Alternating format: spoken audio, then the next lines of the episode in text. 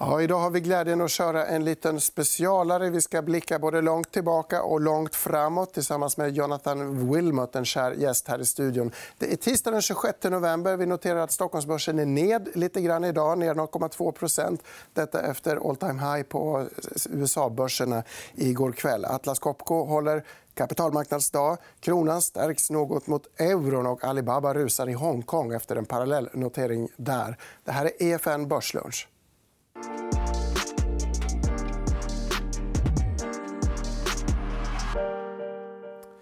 Okay, Jonathan Wilmot joining us again. Very nice to have you back in the studio. Nice to be here. We have a lot of charts, but I want to start with something rather silly. It is Tina Turner's 80th birthday, and we, we don't talk much about her, but we do talk about Tina as an expression for there being no alternative to, to stocks. What, what do you think of that? Do you use that saying? Well, I like it and I don't like it. I like it because it encapsulates the idea that at these interest rates, uh, there are few investments that are offering much return, and therefore equities are, remain attractive even at these kinds of valuations. But I don't like it in one sense because there is always an alternative. It's called cash.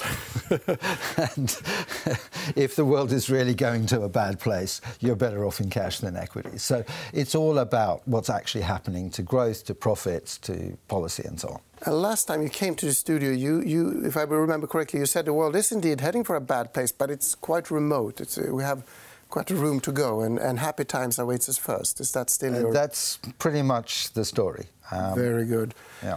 Let's start. We're looking at the S&P 500 here, and you want to tell a tale of industrial production, essentially. Yes, industrial production and risk appetite. But here's a very simple point. It's so simple that people often kind of miss it. Um, and that is that if you take the period from 2009, which is here, mm-hmm. that is to say the bottom of the great financial crisis, um, we have had three what I would call much more bullish phases where equities have done well. Generally speaking, without too much volatility around the show, that's, we might call that a bull phase. So you have one period here, you have another period here, and you have another period here interrupted by the euro crisis. And what do we have? And that's China. Slowdown. China, in particular, the slowdown in China, uh, and the risk appetite panic, which you may remember from early 2016. Mm-hmm. So the green uh, are panics. That's when the market gets very, very fearful, and the um, orange uh, ones are uh, low points in what and global industrial production growth. And they don't necessarily come together. You they don't always come together. This one, the panic came first, and then we had uh, then we had Draghi saying whatever it mm-hmm. takes. Mm-hmm. Another version of Tina, um, and uh, that helped markets to recover before actual growth recovered. But the point is this: when you see these periods here, we can we can actually draw them in.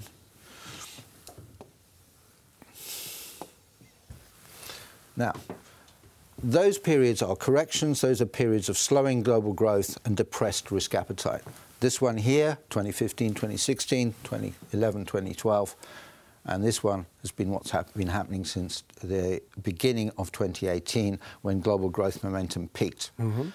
We think that there was a little, there was a, a, a short-term uh, trough in global uh, industrial production momentum in January of this year, a bit of a rebound, and then slowed down again during the summer when we had the big rally in bonds.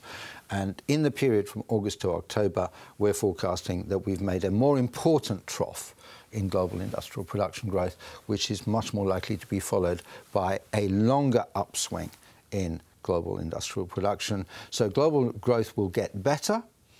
We're also suggesting that there will probably be a trade deal between the US and China in which actually leads to tariffs coming down and we're also forecasting that the Federal Reserve will be reluctant to put up interest rates. Ever, ever again? Well, or? not ever, ever again. You're going to need a boom. You're going to need to see inflation really um, becoming a problem. They're going to, uh, unlike 2018, when they were keen to put up interest rates, it's kind of once bitten, twice shy they're not going to. And they've also changing their longer term objectives.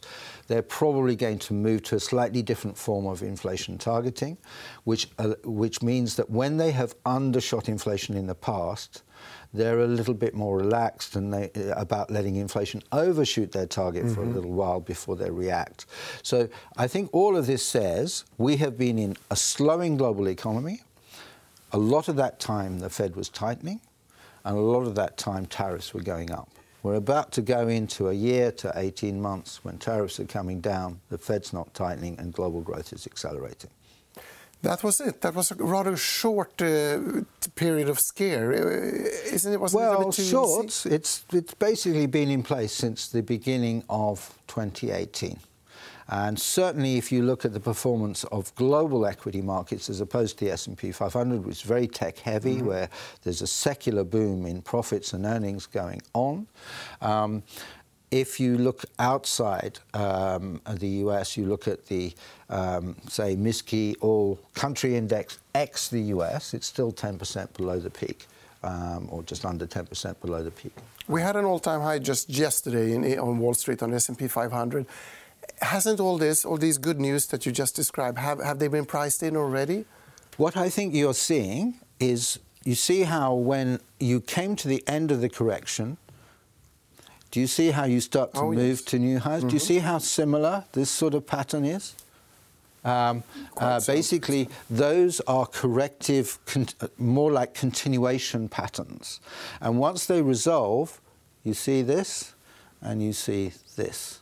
And, and that's these, what's ahead of us, essentially. Yeah, and so that's what we're very good suggesting. I look forward to enjoying that here. What have we got next? This is stocks uh, okay, to bonds. So this is another way of looking at the same issue to some extent, but this time we look at global developed equities and we look at the ratio of returns against developed bonds. So now we're looking not just at equities, but we're looking at equities versus bonds. Mm-hmm. That's even more sensitive to growth, arguably.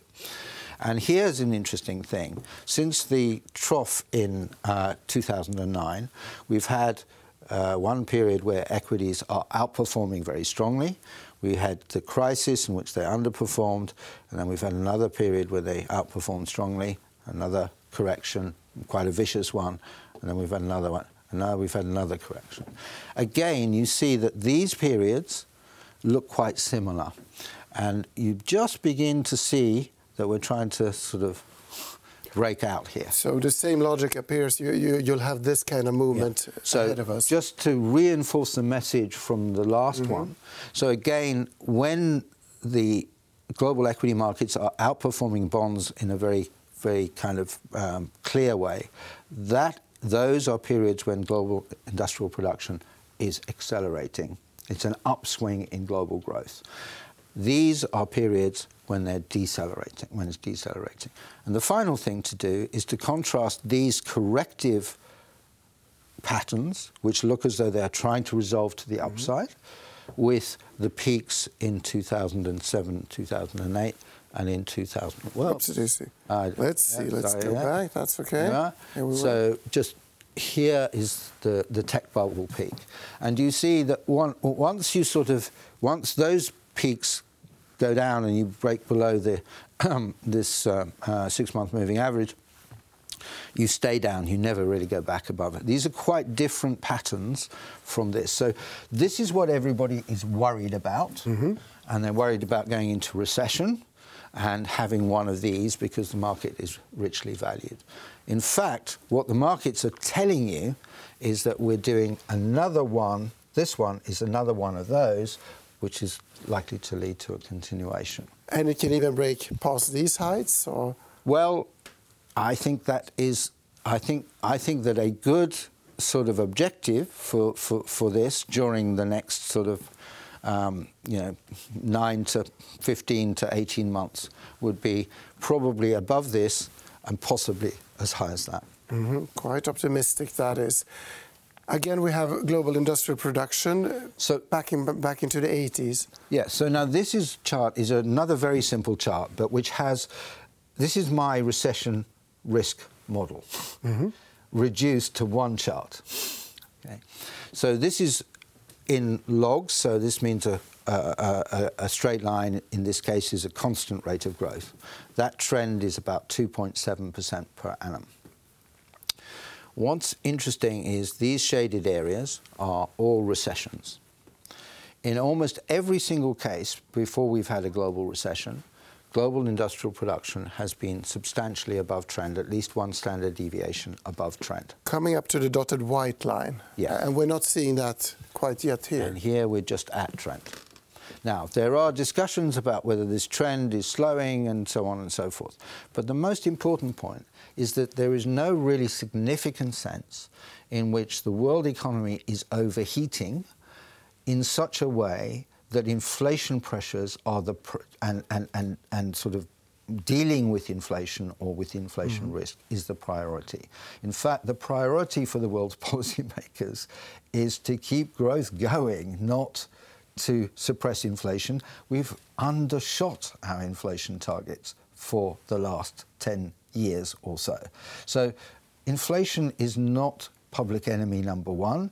It tends to become public enemy number one for policymakers when this is above trend. So the probability of a, of, of a recession is higher because of that. It also tends to be higher when you're here because of two other factors.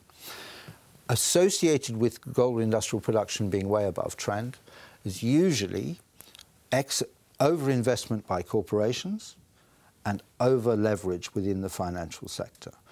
Whenever production is above trend, you have those factors which are major recession risk factors tend to show up in the system. Right now, we do not have overinvestment by the corporate sector on a global scale.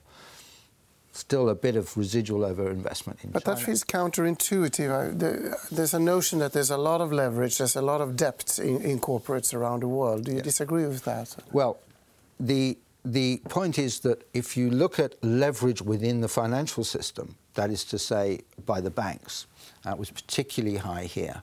Consumer leverage was high here. At this particular point, when we were in the tech bubble, corporate leverage was very high. The corporate leverage that we have now is a rather different form of, of leverage. There are some parts of it which don't worry me. There are some parts of it which do. The parts of it which don't worry me that much are the parts where um, good quality companies with solid earnings growth are using low interest rates and solid earnings growth to buy back their stocks. The main source of mm-hmm. demand for stocks, by the way, throughout this. The companies this, themselves yeah, buy. This is the TINA. Uh, this is yeah. t- for them, the companies. Um, their cost of equity is relatively high. Their cost of debt is relatively low. The incentive for them is to use uh, their good earnings growth to underwrite borrowing, yeah, etc. And of course, at these interest rates, that burden of debt servicing is low. What I do worry about is where, in some of the further reaches of the credit markets, where covenant protections on high yield or, or mm. leveraged loans have become eroded. That's bad news once you hit recession. What it isn't clear, though, is that without interest rates going up sharply, it's not clear that that's a trigger for recession. It's more watch out when there is a recession. And then finally, there's China and its corporate debt, and that's a whole different story.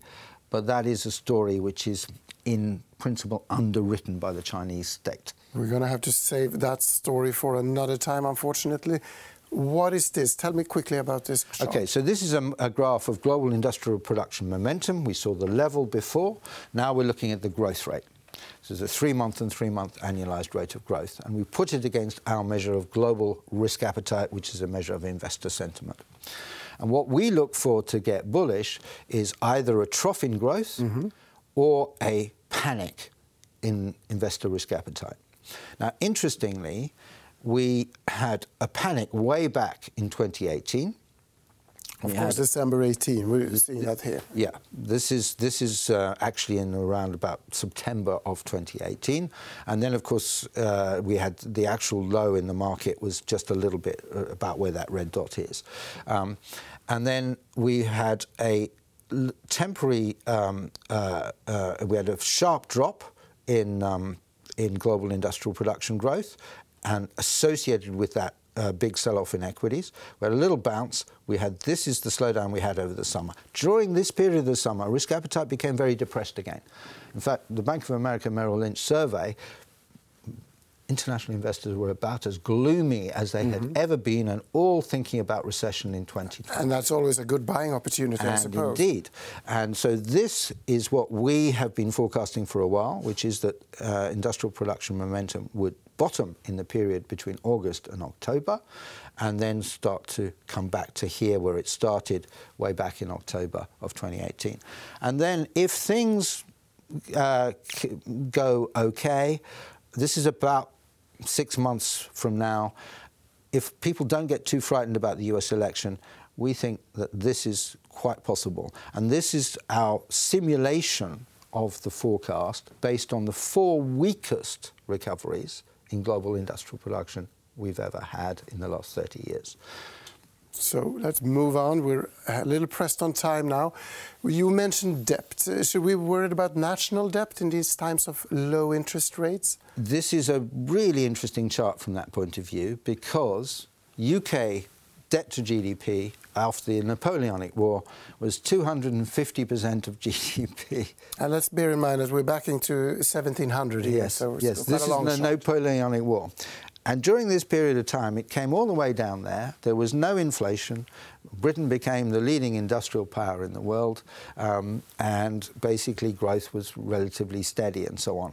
And then this is what happened in the First World War and the Second World War.